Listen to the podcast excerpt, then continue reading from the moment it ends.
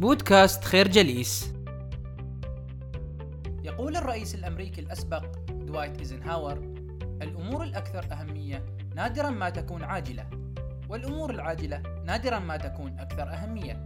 لذلك طور هذا الرئيس مصفوفة أطلق عليها اسم مصفوفة إيزنهاور لإدارة المهام. والتي تستطيع من خلالها استغلال وقتك وجهدك بأعلى كفاءة ممكنة وتقوم هذه المصفوفة على تقسيم المهام التي ترد إليك يوميا على بعدين هما درجة الأهمية والعجلة. وبالتالي يتكون لدينا مصفوفة من أربع خانات وهي مهم وعاجل مهم وغير عاجل غير مهم وعاجل غير مهم وغير عاجل. ولتوضيح هذا المعنى دعنا نفترض أنك تعمل كصحفي في إحدى الجرائد المحلية حيث ترد إليك يوميا العديد من المهام. فباستخدام هذه المصفوفة وهي مصفوفة إيزنهاور ستستطيع تقسيم المهام على النحو التالي. في خانة الهام والعاجل عليك أن تضع المهام التي يجب عليك أن تفعلها مثل كتابة مقالك اليومي. وفي خانة الهام والغير عاجل عليك أن تضع جدول محدد لتنفيذ هذه المهام مثل الاتصال بالعائلة والأصدقاء. أما بالنسبة لخانة الغير هام والعاجل عليك أن تقوم بتفويض المهام الموجودة فيها إلى شخص آخر كالرد على رسائل البريد الإلكتروني أو التعليقات.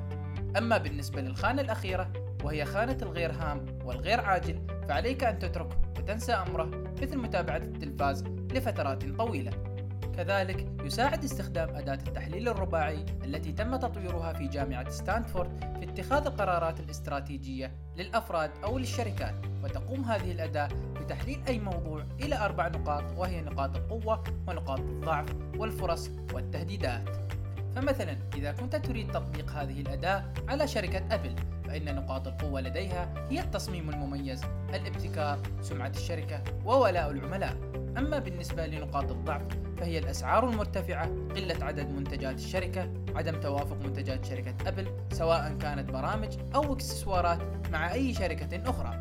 أما بالنسبة لنقاط الفرص فهي زيادة عدد منتجاتها، استهداف شرائح مختلفة من العملاء، والدخول في أسواق جديدة مثل السيارات ذاتية القيادة أو عالم الألعاب. وأخيرا فإن من التهديدات التي تواجهها شركة أبل هي زيادة عدد المنافسين في سوق الهواتف الذكية والحواسيب المحمولة زيادة تكلفة العمالة في بلدان التصنيع ووجود بعض العيوب في جودة بعض المنتجات ومثل هذه الأداة تساعد على اتخاذ العديد من القرارات الاستراتيجية بصورة صحيحة ودقيقة. الفكرة تساعد مصفوفة إيزنهاور لإدارة المهام وأداة التحليل الرباعي في تطوير مهاراتك وقدراتك الشخصية.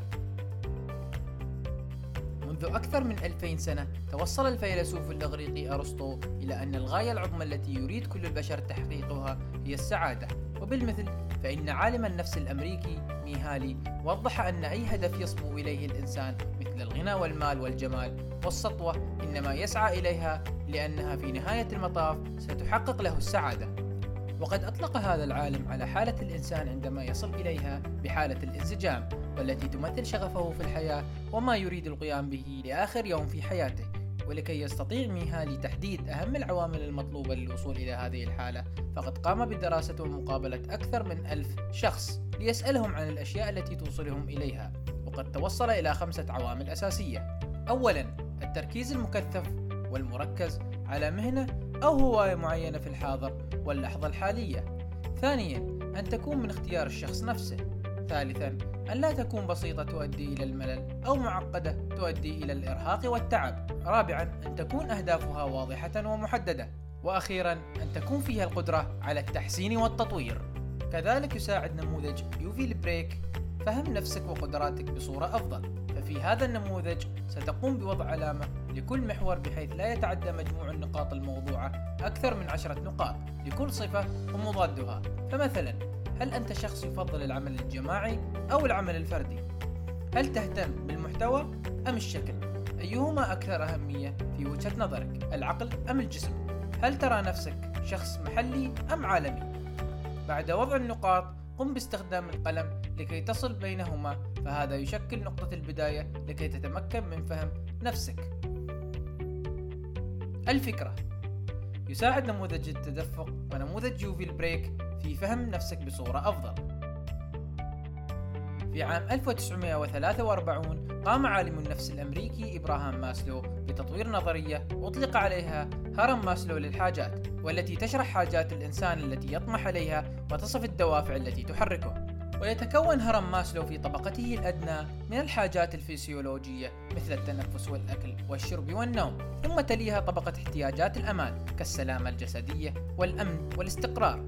ثم طبقة الاحتياجات الاجتماعية مثل الصداقة والعلاقات الاجتماعية. وبعدها طبقة الحاجات للتقدير كتقدير الذات والثقة والاحترام من الآخرين. وأخيرا طبقة الحاجة لتحقيق الذات مثل الابتكار وحل المشاكل وتقبل الحقائق. والفكرة في هذه النظرية أن الإنسان يحب أن يشبع حاجاته في قاعدة الهرم قبل أن يصعد إلى الحاجات الموجودة في الطبقة التي تعلوها. فمثلا يجب أن يتشبع من طبقة الحاجات الفسيولوجية قبل أن ينتقل في التفكير إلى طبقة احتياجات الأمان. كذلك تستطيع أن تعرف الكثير عن شخصيات الناس عندما تقوم بمناقشة ومعرفة ردودهم على اقتراحات الآخرين. فبحسب نموذج ديفيد كوبر رايدر للنقاش والاقتراح يمكن تقسيم الناس إلى مصفوفة مكونة من بعدين هما درجة الإيجابية وماذا إذا كان الحوار بناء أم لا. وبالتالي يتكون لدينا مصفوفة من أربع خانات. في الخانة الأولى يكون رد الشخص إيجابي وبناء فيقول نعم وكذلك نستطيع القيام بأشياء أكثر لتطوير هذه الفكرة. ومن يوجد في هذه الخانة عادة ما يكون شخص مفكر وإيجابي.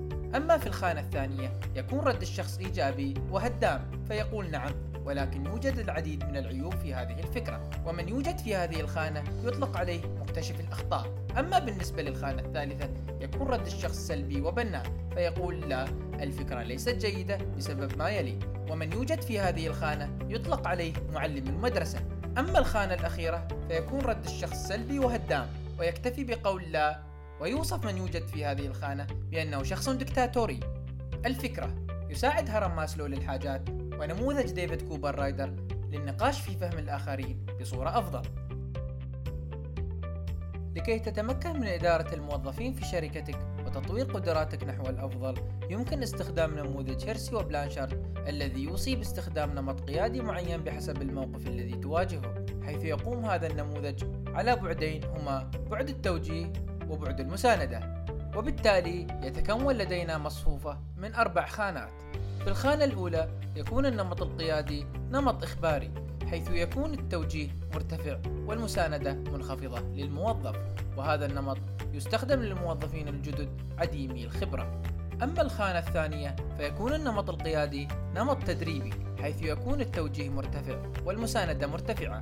ويستخدم هذا النمط عندما يبدأ الموظفون الجدد باكتساب الخبرة وسؤال زملائه بالعمل عن الطريقة الأفضل لإكمال الأعمال الموكلة. أما بالنسبة للخانة الثالثة فإن النمط القيادي نمط مساند حيث يكون التوجيه منخفض والمساندة مرتفعة للموظف. ويستخدم هذا النمط عندما تصل خبرة الموظفين إلى مستوى مرتفع ويتم فيها تشجيعهم على عرض أفكارهم واقتراحاتهم. أما بالنسبة للخانة الأخيرة فإن النمط القيادي فيها يكون نمط تفويضي حيث يكون التوجيه منخفض والمساندة منخفضة. ويستخدم هذا النمط عندما يكون الموظف قد تمكن بصورة كاملة من أداء الأعمال الموكلة إليه ويكون قد وصل إلى درجات عالية من الخبرة والتحفيز حيث يبدأ بقيادة فريق العمل بنفسه. كذلك تستطيع استخدام نموذج لعب الأدوار في تطوير قدرات الآخرين والوصول إلى الحل الأنسب لأي مشكلة. فعندما يقوم الفريق بمناقشة مشكلة ما يتم تقسيم أعضاء الفريق إلى ستة مجموعات. المجموعة الأولى تسمى أصحاب القبعة البيضاء والتي تكون مسؤولة عن الجانب المنطقي والتحليلي للمشكلة وتركز على الحقائق والوقائع. أما المجموعة الثانية فهي أصحاب القبعة الحمراء والتي تركز على العواطف والأحاسيس التي تدور حول هذه المشكلة. أما بالنسبة للمجموعة الثالثة فهي أصحاب القبعة السوداء والتي تقوم بتحليل المخاطر وإيجاد المشاكل والعوائق. أما المجموعة الرابعة فهي أصحاب القبعة الصفراء والتي يكون دورها نشر التفكير الإيجابي المتفائل وإيجاد أفضل السيناريوهات. أما المجموعة الخامسة فهي أصحاب القبعة الخضراء ويكونون مسؤولين عن التفكير الإبداعي وإيجاد حلول مبتكرة وجديدة. وأخيرا المجموعة السادسة هم أصحاب القبعة الزرقاء والتي يقوم أعضاؤها برسم الصورة الكاملة والتنسيق بين المجموعات المختلفة. وبعد استخدام هذا النموذج يتم الوصول إلى الحل الأفضل لأي مشكلة. الفكرة يساعد نموذج هيرسي وبلانشر ونموذج لعب الأدوار في تطوير مهارات وقدرات الآخرين نحو الأفضل. نشكركم على حسن استماعكم. تابعونا على مواقع التواصل الاجتماعي لخير جليس. كما يسرنا الاستماع لآرائكم واقتراحاتكم. ونسعد باشتراككم في البودكاست.